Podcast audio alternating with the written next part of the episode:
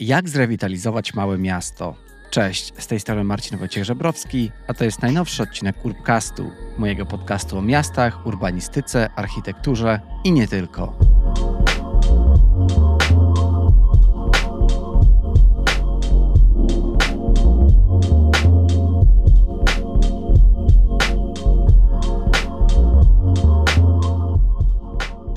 Dzisiejszy odcinek jest ostatnim z serii rewitalizacyjnej, którą realizowałem w tym roku w swoim podcaście razem z Urzędem Marszałkowskim Województwa Pomorskiego. Przedstawiliśmy do tej pory programy rewitalizacyjne i to, jak rewitalizacja przebiegała w różnych miastach na Pomorzu. Rozmawialiśmy o Gdyni, o Gdańsku, a także o Słupsku. Natomiast dzisiaj porozmawiamy z trochę innej perspektywy, ponieważ dzisiaj zajmiemy się rewitalizacją w małym mieście, albo może tak naprawdę powinienem powiedzieć miasteczku, bo będziemy rozmawiać o Debrznie, który jest niespełna pięciotysięcznym miasteczkiem położonym przy południowej granicy województwa pomorskiego jest, jak się zaraz dowiemy z rozmowy, takim miastem pogranicza i tak naprawdę jest z niego dwa razy bliżej do Bydgoszczy niż do Trójmiasta. Dlatego mm, myślę, że ciekawe jest to, jak w ogóle podchodzi się do takiego pogranicznego, małego miasteczka, jak zidentyfikować te problemy, które mieszkańcy mogą mieć i jak właśnie odpowiedzieć na nie w ramach rewitalizacji. Moim dzisiejszym gościem jest Łukasz Jurkowlaniec, który jest zastępcą burmistrza w Urzędzie Miejskim w Debrznie, ale także jest z wykształcenia socjologiem, więc ma bardzo ciekawe spostrzeżenie odnośnie tego właśnie, jak to małe miasto funkcjonuje. Porozmawiamy dzisiaj o tym, jak małe miasta widzą programy rewitalizacji. Czy to nie jest tak, że programy rewitalizacji są stworzone właśnie tylko dla miast większych? Jak w ogóle wygląda historia Debrzna, z jakimi problemami borykają się miasta i miasteczka w Polsce, na czym polega rewitalizacja tak małego miasta i czy rewitalizacja w Debrznie wyglądałaby inaczej, czy coś by się może nie udało, gdyby Debrzno było właśnie dużym miastem. Dzisiejsza rozmowa jest ostatnią z serii rewitalizacyjnej. Odcinek ten jest współfinansowany ze środków Funduszu Spójności oraz budżetu państwa w ramach programu operacyjnego Pomoc Techniczna na, lata 2014-2020 w ramach zadania realizowanego przez Urząd Marszałkowski Województwa Pomorskiego. Bardzo jeszcze raz dziękuję za tą współpracę Kindze, a teraz zapraszam na najnowszą rozmowę z Łukaszem. I zaczynamy właśnie od takiego komentarza Łukasza na temat tego, dla kogo tak naprawdę są te programy rewitalizacyjne.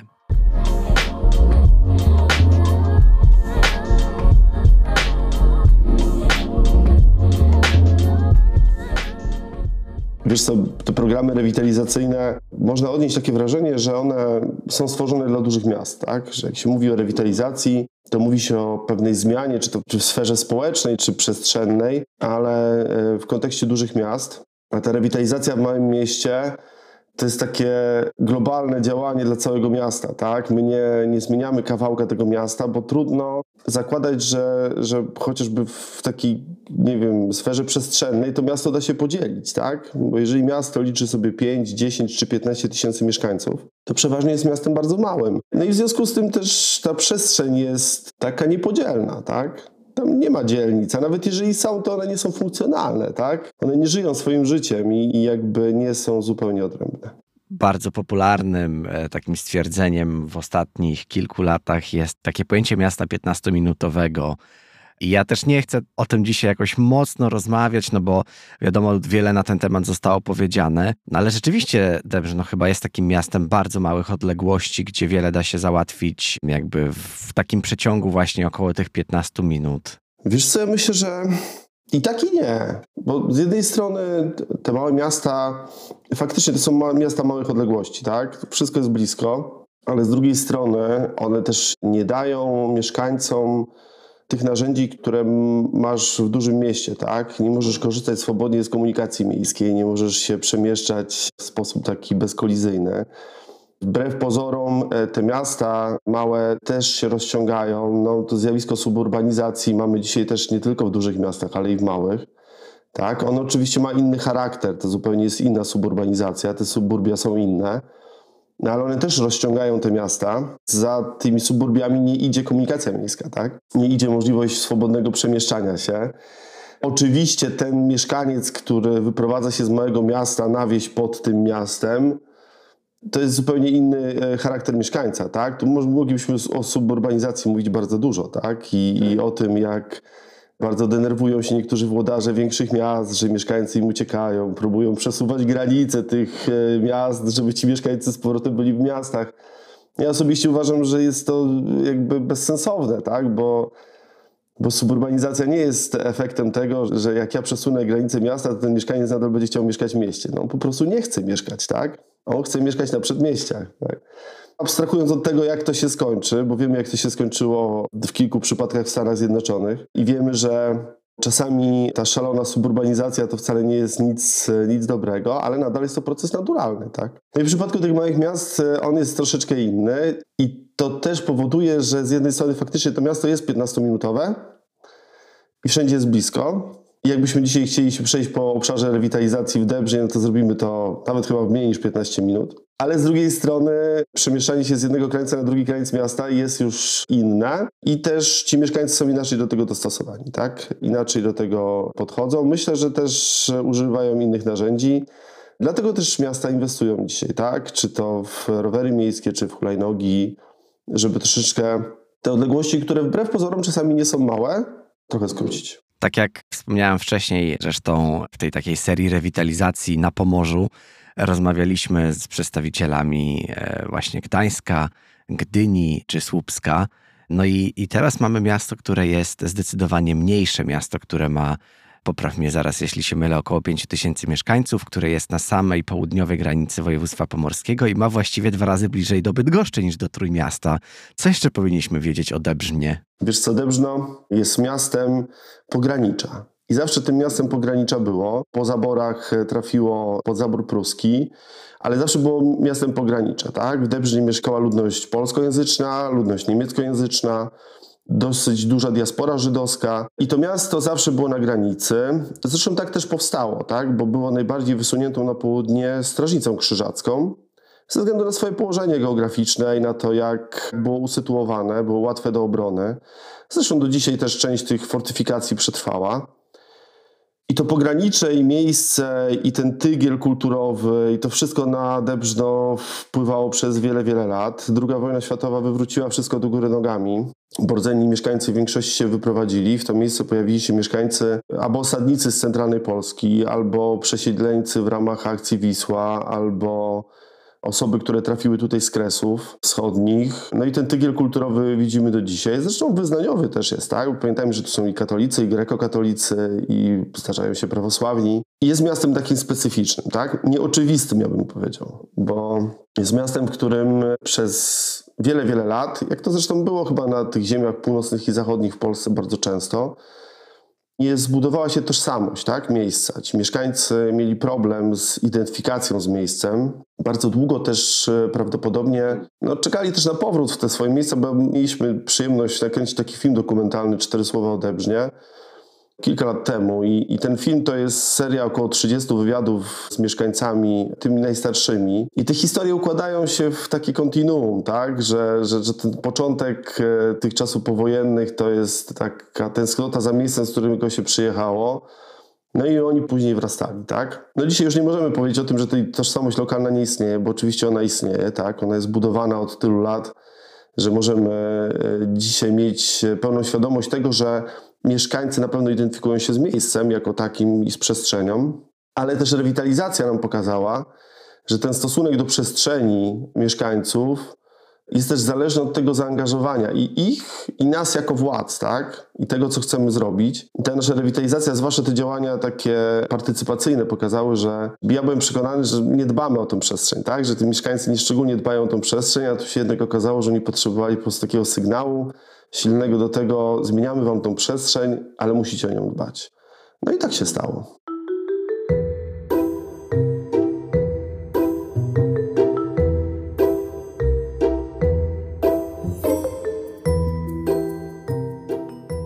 Zaraz porozmawiamy jeszcze o tym, jak właśnie wyglądał proces rewitalizacji i jakie są zalety takiego małego miasta w tym procesie. Ale zanim to zidentyfikujmy sobie jakieś takie wyzwania, problemy, które przed sobą mieliście. Marek Szymaniak w, swoim reportażu Zapaść pisze właśnie o małych e, miastach, o tym, jak te miasta się wyludniały, jak szczególnie młodzi ludzie tak uciekali z tych miast za edukacją, za pracą, czy jakiekolwiek z tych, z tych właśnie obserwacji udało się właśnie też znaleźć w w Debrzmie? Czy jest to miasto jeszcze w mniejszej skali, że są to jakieś inne procesy? To jest książka, którą chciałem polecić w ogóle, tak? Bo to jest książka, która mi idealnie pasowała do Debrzna, tak? No, reportaże tak. Marka są...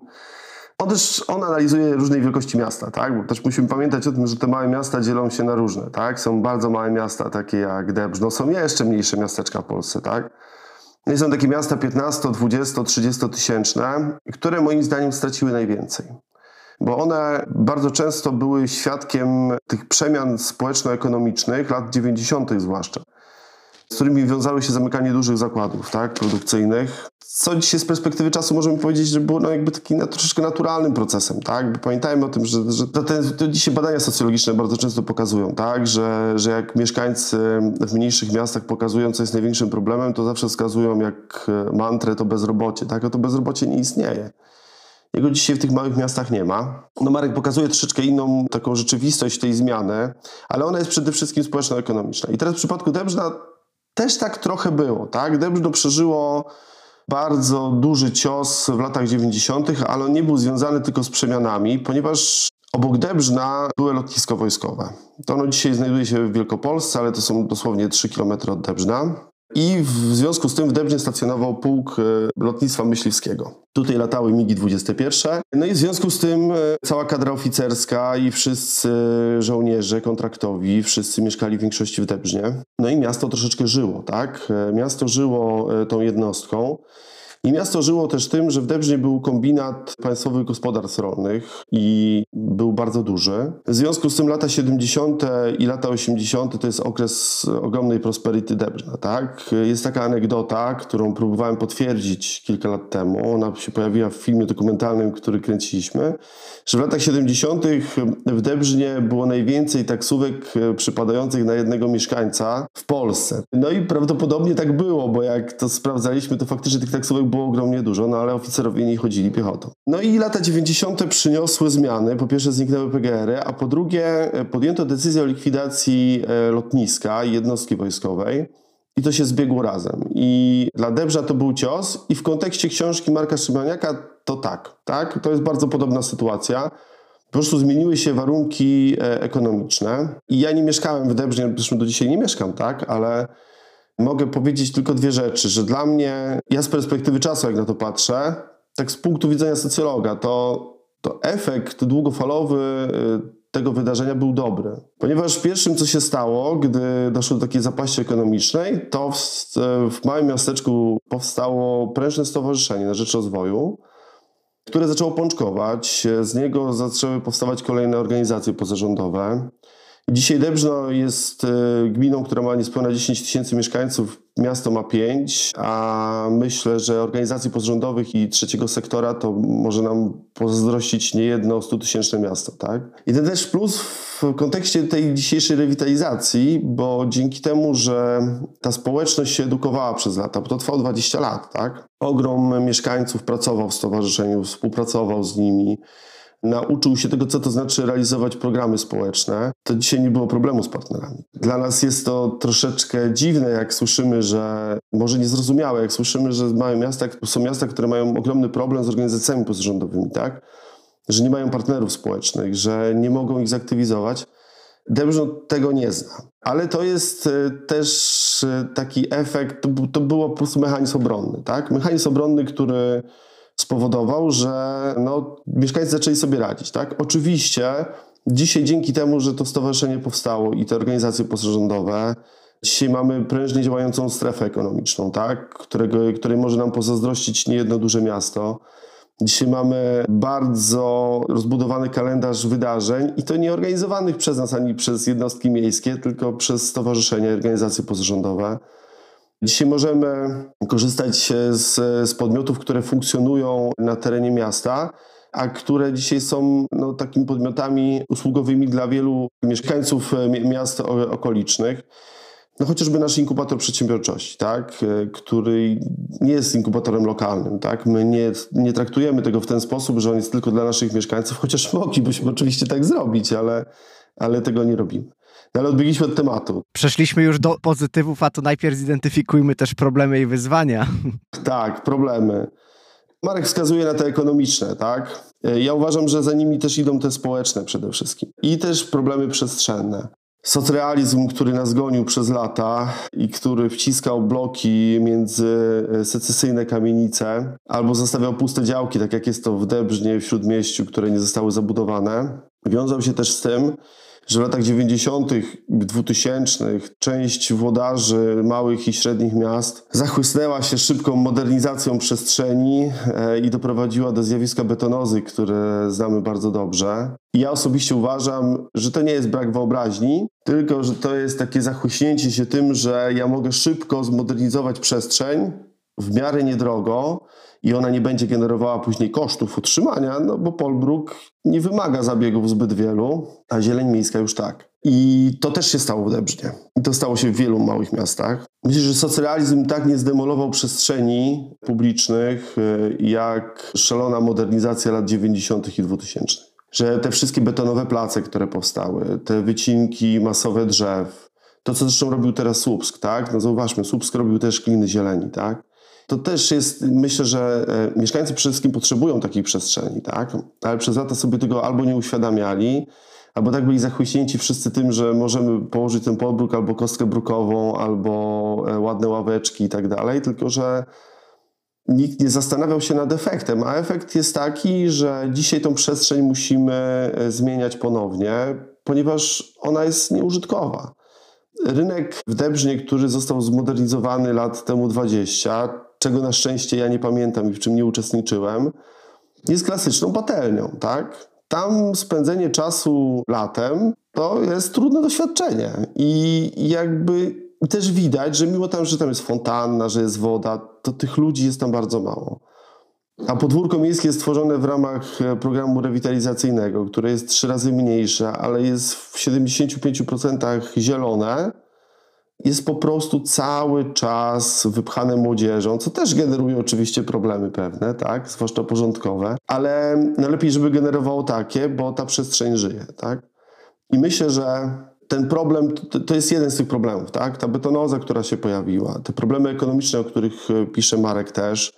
Myślę, że problemem miast tych małych jest też to, że mówiliśmy chwilę tam o suburbanizacji, e, no ale problemem małych miast jest przede wszystkim odpływ mieszkańców. I tu są dwa rodzaje tego odpływu, tak? Bo z jednej strony wyjeżdżają młodzi ludzie, ale oni bardzo często wyjeżdżają w, z powodów czysto edukacyjnych, tak? Wyjeżdżają do dużych miast, bo jadą na wyższe uczelnie, bardzo często już tam zostają oczywiście, bo jakby życie w mieście też ma swoje plusy. Ja też 10 lat mieszkałem ja, ja po prostu wróciłem, ale ja podjąłem taką decyzję samodzielnie i jakby uważam, że nikomu nie wolno tego zabraniać, tak? I to jest proces naturalny. Każdy powinien tego spróbować. A drugim problemem są migracje ekonomiczne, tak? I one też się pojawiają, chociaż myślę, że są głównie efektem nie braku miejsc pracy w tych małych miastach, tylko braku różnorodnych miejsc pracy. Bo dzisiaj musimy pamiętać o tym, że miejsca pracy one są. Czasami nawet nie są gorzej płatne ale y, ta różnorodność jest dużo mniejsza, tak? Zwłaszcza jeżeli chodzi o zawody takie specjalistyczne. I to też jest problem. Na to nakłada się też ta oczywiście suburbanizacja, którą zawsze uświadamialiśmy sobie, że mamy przede wszystkim w kontekście dużych miast, ale mamy ją też w kontekście małych miast, tak? Ona cały czas postępuje, cały czas te działki dookoła tych miast, miasteczek są zabudowywane. Zresztą to daleko nie trzeba szukać, bo tak naprawdę jak spojrzymy sobie na miasta średnie, no chociażby takie jak, nie wiem, Słupsk, tak? No to też ta suburbanizacja jest szalejąca wręcz, tak? Tam trudno powiedzieć w sumie, gdzie się kończy miasto, gdzie zaczynają tereny podmiejskie, tak? Powstaje takie międzymiasto. Tak, powstaje takie międzymiasto. To już abstrahując od tego, jak dopasowani do tych e, teoretycznie terenów wiejskich są nowi mieszkańcy, tak? Bo, bo procesy identyfikacyjne i tożsamościowe moim zdaniem w ogóle nie, nie zachodzą, tak? Jeżeli, jeżeli zachodzą, to bardzo powoli. I to jest ta właśnie różnica że ta suburbanizacja w dużym mieście jest takim zjawiskiem, przesiadam się na wieś, tak? Buduję sobie domek na wsi pod miastem, nadal chodzę do teatru w mieście, nadal pracuję w mieście, nadal korzystam z miejskiej infrastruktury i komunikacji miejskiej, która dowiezie mnie do mojej wioseczki pod miastem. Albo samochodem. Albo samochodem, co spowoduje ogromne korki, tak? A suburbanizacja w moim mieście jest taka, że ja to w sumie byłem i tak ze wsi, tak? Tylko ja się przeprowadziłem w miejsce, które jest ładniejsze, tak? No i ja też w sumie dokonałem takiego wyboru, za ścianą mam las, jezioro niedaleko i, i super, tak? I jakby tego oczekiwałem, ale moje podejście jako mieszkańca suburbium małego miasta jest troszeczkę inne, tak? Ja jakby gdzieś tam bardziej jestem wrośnięty w tą społeczność i to też widać bardzo dobrze, że ci mieszkańcy, którzy się wyprowadzają z małych miast na ich przedmieścia, wrastają w te małe społeczności szybciej. Tak? Mhm. Oni są też inaczej do nich dostosowani. Oni rozumieją tą wiejską społeczność, tak? I, I to jest zupełnie inna historia. A ludzie, którzy wyprowadzają się na przedmieścia dużych miast, no e, to myślę, że e, to będzie problem rozważań socjologów i urbanistów przez najbliższe dziesięciolecia, tak? Ale mamy dobry przykład tego, co się stało w Stanach, tak? I, i tam przede wszystkim ta suburbanizacja była taka e, bardzo nasilona. Są przykłady dobre, ale są też przykłady Detroit, gdzie wiemy, jak to się skończyło i, i to odcięcie ósmej mili spowodowało, że tak naprawdę no dzisiaj mamy tam przedmieścia widma, tak? Ale na to też wpłynęła sytuacja ekonomiczna. Myślę, że te problemy małych miast gdzieś zamykają się w tej osi, tak? I one są też efektem tego, że zmiany społeczno-ekonomiczne spowodowały, że ruchy migracyjne są po prostu e, swobodne, tak? Wielu włodarzy denerwuje się, tak? Mówiąc kolokwialnie, że odpływają mieszkańcy. Ja uważam, że przynajmniej w kontekście tych młodych mieszkańców nie jesteśmy w stanie wiele zrobić i jest to proces naturalny możemy coś robić w kontekście e, emigracji zarobkowej, bo tutaj tworzenie warunków do tego, żeby zostać i mieszkać jest możliwe. Ale największy problem, który wiąże się z, z tym wyludnieniem, to w małych miastach to jest zanik usług. I to jest taki zamknięty krąg. Bo jak wyjeżdża duża ilość mieszkańców, mm, no to nie jest potrzebna tak duża ilość usług. W związku z tym część z nich znika. Jak część z tych usług znika, to miejsce staje się mniej atrakcyjne i kolejni mieszkańcy wyjeżdżają, no bo nie mają tego, co daje im duże miasto. I też inni nie przyjeżdżają, bo tych usług nie ma, a one się nie pojawią, ponieważ nie mają się pojawić dla kogo.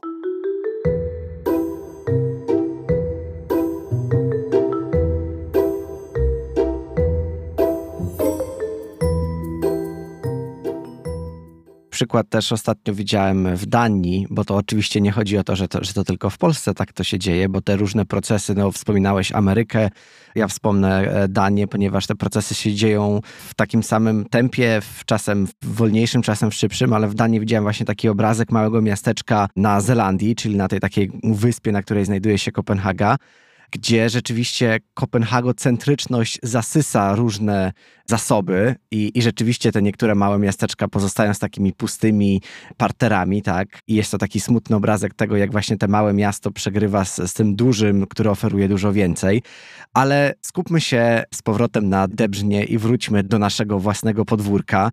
Porozmawiajmy teraz o tym lokalnym programie rewitalizacji, bo to jest też zupełnie, moim zdaniem, coś innego, jeśli rozmawiamy o takim programie rewitalizacji w, w tak małym mieście, tak? Nie musimy tego dzielić na różne podobszary, parcelować w jakiś sposób, więc jak właśnie wygląda przeprowadzanie takiego procesu e, w waszym mieście? Czyli jak do tego się zabrać, skąd w ogóle wziąć środki na taką zmianę, jak w to też zaangażować mieszkańców? Proces rewitalizacji w moim mieście no, różni się przede wszystkim od tego w dużym mieście jego skalą, tak? Tym, co powiedziałeś, że nie dzielimy tego, tak? Nie jesteśmy w stanie podzielić tego mia małego miasta na obszary funkcjonalne, no bo one osobno nie byłyby w stanie funkcjonować, tak? To jest małe miasto i chociażby w kontekście usług, tak? No to jest małe miasto, fryzjerów jest trzech, a nie pięćdziesięciu. Więc nie możemy zamknąć jednej części miasta i ona sobie będzie funkcjonować sama. Ale ta rewitalizacja też, jakby jej przeprowadzenie jest troszeczkę wymuszone też przez, przez jakby przepisy prawa i przez ustawę przede wszystkim, tak? Bo dzisiaj ustawa narzuca nam chociażby konieczność wyznaczenia obszaru zdegradowanego. No i w związku z tym, że musimy go wyznaczyć, to musimy przeprowadzić delimitację. Ustawa jest nieszczęśliwie napisana, ponieważ zakłada, że musimy porównywać ze sobą tereny wiejskie i tereny miejskie, bo gmina Debrzno jest miejsko-wiejska, tak? Czyli jest to i miasto, i tereny wiejskie. W związku z tym e, musimy zestawić ze sobą małą wioseczkę popegerowską liczącą 200 mieszkańców. No i osiedle w mieście liczące półtora tysiąca czy dwa tysiące. No i to porównanie już tak zdroworozsądkowo na to patrząc, e, no automatycznie jest trudne do wykonania, ponieważ e, no mamy społeczność malutką, która zupełnie nie ma usług, która jest zupełnie wyludniona, która w pewnym sensie nie ma dostępu do tego, co daje miasto, tak? Z drugiej strony mamy społeczność miejską, no i my musimy zdecydować, który z tych obszarów jest bardziej zdegradowany. Też społecznie, tak? I to jest trudne, tak? To jest zadanie bardzo trudne. Ale jeżeli się to już uda, no to wtedy stajemy przed e, taką koniecznością prowadzenia działań rewitalizacyjnych na obszarze, który nie jest obszarem wszystkim dużym. To, co na początku powiedziałeś, tak, 15-minutowe miasta. To dzisiaj obszar rewitalizacji w Debrze jest zdecydowanie jeszcze mniejszy. No i musimy prowadzić działania, które oddziaływują na mieszkańców całego miasta, chociaż teoretycznie powinny oddziaływać przede wszystkim na mieszkańców tego obszaru. I to jest akurat e, dosyć trudne. Jest to dość oryginalne, że częścią takiego procesu rewitalizacji jest właśnie kino, tak? Ale, bo jeszcze nie spotkałem się właśnie, żeby kino było takim narzędziem w, w rewitalizacji, ale rzeczywiście z tego, co mówisz, no to to przyniosło taką społeczną więź, tak? Identyfikację, nawet tak jak mówiłeś, zaskoczenie, tak? Czyli, że wreszcie to kino po, po tych 30 latach, po jednym pokoleniu tak naprawdę, czy nawet trochę dłużej, wraca do miasta i jest to taki fajny czynnik, który moim zdaniem też e, adresuje nie tylko osoby dorosłe, tak, ale też dzieci, tak, czy również osoby starsze. Jakby, że to jest taka fajna rzecz, która może pomóc różnym osobom.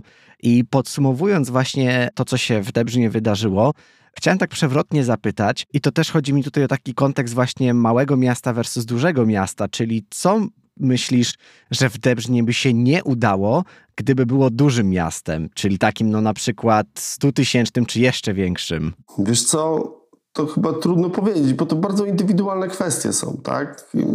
Ja myślę, że ta rewitalizacja w małych miastach wbrew pozorom w tej sferze społecznej, tak, w sferze aktywizującej mieszkańców jest czasami bardzo trudna, bo jakbyśmy na to nie spojrzeli, to zawsze aktywność mieszkańców to jest kilka procent tak? To kilka procent w kontekście miasta 100 tysięcznego, a kilka procent w kontekście miasta, które ma 5 tysięcy, to jest znacząca różnica. Myślę, że to trudne bardzo pytanie. Tak naprawdę to bardzo często w przypadku działań rewitalizacyjnych te działania e, jednak skupiają się na tej sferze inwestycyjnej. I myślę, że w przypadku dużego miasta no, ich skala może być przede wszystkim o wiele większa. My też e, angażowaliśmy bardzo w ten proces rewitalizacji troszeczkę tą historię miasta, tak? bo ważnym elementem działań rewitalizacyjnych była ulica Walickiego, czyli taka przestrzeń, która jest wzdłuż średniowiecznych murów obronnych. W oparciu o tą przestrzeń stworzyliśmy Centrum Usług Społecznych, odnowiliśmy część murów obronnych i tam te działania były prowadzone. I jak na skalę małego miasta to był bardzo, duże, bardzo duży zakres. Tak? Myślę, że w Debrznie nie udałoby nam się przeprowadzić działań bardzo szerokich i bardzo drogich inwestycyjnie ze względu na możliwości miasta po prostu. Tego by się nie udało zrobić. A wbrew pozorom wydaje mi się, że różnica między tą działaniami rewitalizacyjnymi, każde miasto jest w stanie przyjąć bardzo dużo, tak? Im mniej masz usług i mniej rzeczy, które działają, no tym, e, tym więcej ich przyjmiesz, tak? Tym więcej ucieszy mieszkańców i tyle. Problemem małych miast są te kategorie wiekowe zanikające, tak? Że, że jakby mamy szkoły podstawowe, mamy gdzieś tam szkoły średnie dookoła i później jest dziura, bo wszyscy wyjeżdżają na studia albo do pracy, i wracają 30-parolatkowie, jeżeli wracają. Więc jest troszeczkę problem, myślę, taki, jeżeli chodzi o pewne kategorie mieszkańców, tak, o ich liczebność, bo to jest problem. Ale czy to w kontekście rewitalizacji jest problem? Nie wydaje mi się, tak, bo to, to zawsze są działania dopasowane do miejsca. Trudno mi powiedzieć, jakie działania podejmowane są przez duże miasta, tak? Bo ja obserwowałem to, co się dzieje w Pomorskim i, i widzę, jakie działania rewitalizacyjne podejmują duże miasta ale też muszę przyznać, że jakby tych działań, które były spektakularne i które zadziałały, to tylko w kilku miastach mógłbym chyba wskazać, tak? Które naprawdę zadziałały, bo nadal pokutuje to przeświadczenie, że rewitalizacja to gładzenie tych kamienic, tak? i robienie starych budynków po kolejach państwowych i jakichś poprzemysłowych. I to jest, y, myślę, że nieszczęście myślenia o rewitalizacji, że powinniśmy edukować, uczyć, edukować, uczyć, uświadamiać i pokazywać, że rewitalizacja tak nie działa. A najlepsze jest to, że ja 10 lat temu też myślałem o rewitalizacji w ten sposób. To jest naturalny chyba proces, tak po prostu jest, że my musimy się tego nauczyć.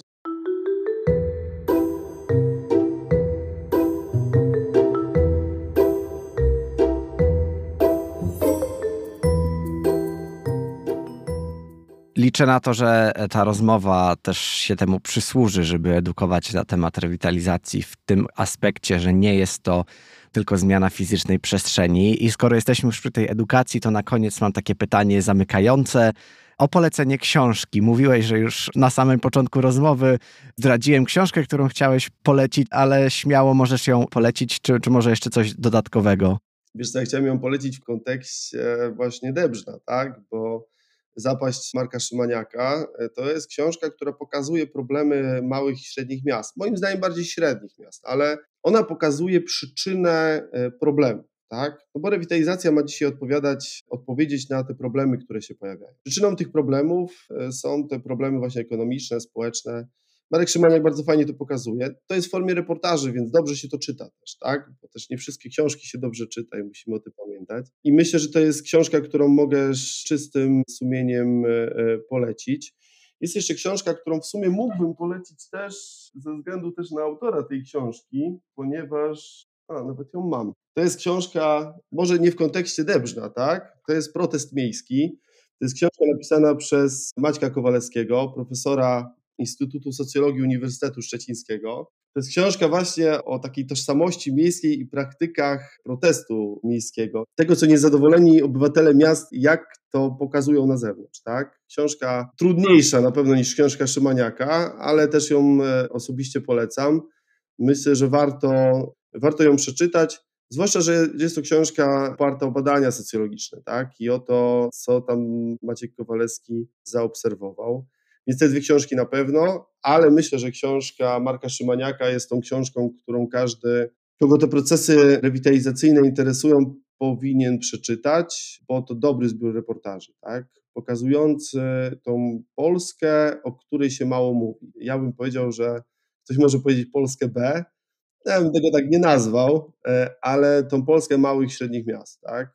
tych, które dzisiaj mają naprawdę duże problemy, Część sobie z tym dosyć dobrze radzi, ale część te problemy też ma dosyć duże, niekoniecznie e, rozwiązywalne, bo część z tych problemów jest trudno rozwiązywalna, zwłaszcza tych związanych z wyludniającymi się e, miasteczkami, bo o ile w przypadku e, dużego miasta część mieszkańców wyprowadzi się na przedmieścia, to nadal będzie korzystać z tego, co oferuje im to miasto. W przypadku małych miast Oczywiście część wyprowadzi się na przedmieścia, ale większa część wyprowadzi się do dużych miast. I to powoduje, że po pierwsze zanikają te usługi, bo jest ich potrzeba, jest mniej tych usług, tak? Mniej ludzi, więc mniej usług, ale przede wszystkim znika potencjał ludzki, tak? Bo znikają specyficzne zawody, znikają ludzie wykształceni, znikają ludzie, którzy mogliby zmieniać przestrzeń społeczną, Oczywiście nie wszyscy. Oczywiście mamy też teraz taki trend, że część z nich wraca. Tak? Pamiętajmy, że jak wykonuję wolny zawód, który mogę wykonywać zdalnie, no to mieszkanie w lesie i nad jeziorem jest całkiem ok.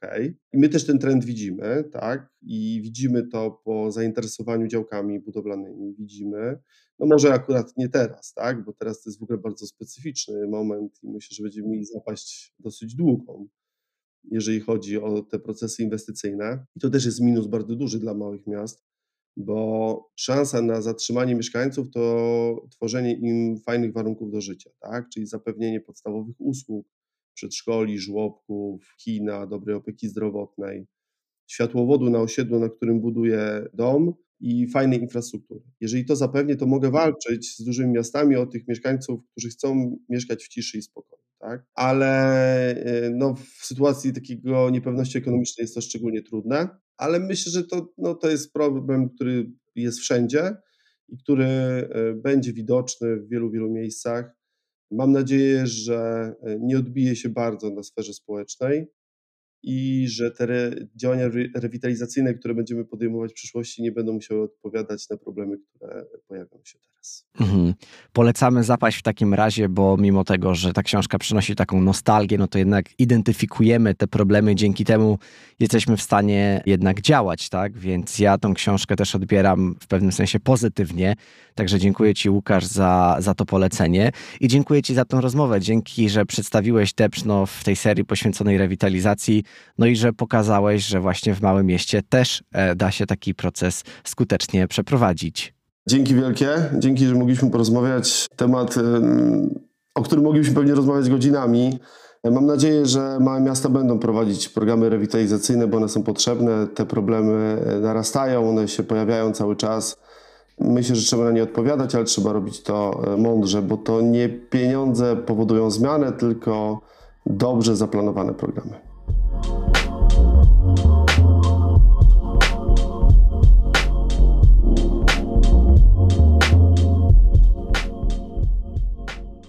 Dzięki wielkie za wysłuchanie tego najnowszego odcinka, który był ostatnim odcinkiem serii rewitalizacyjnej województwa pomorskiego.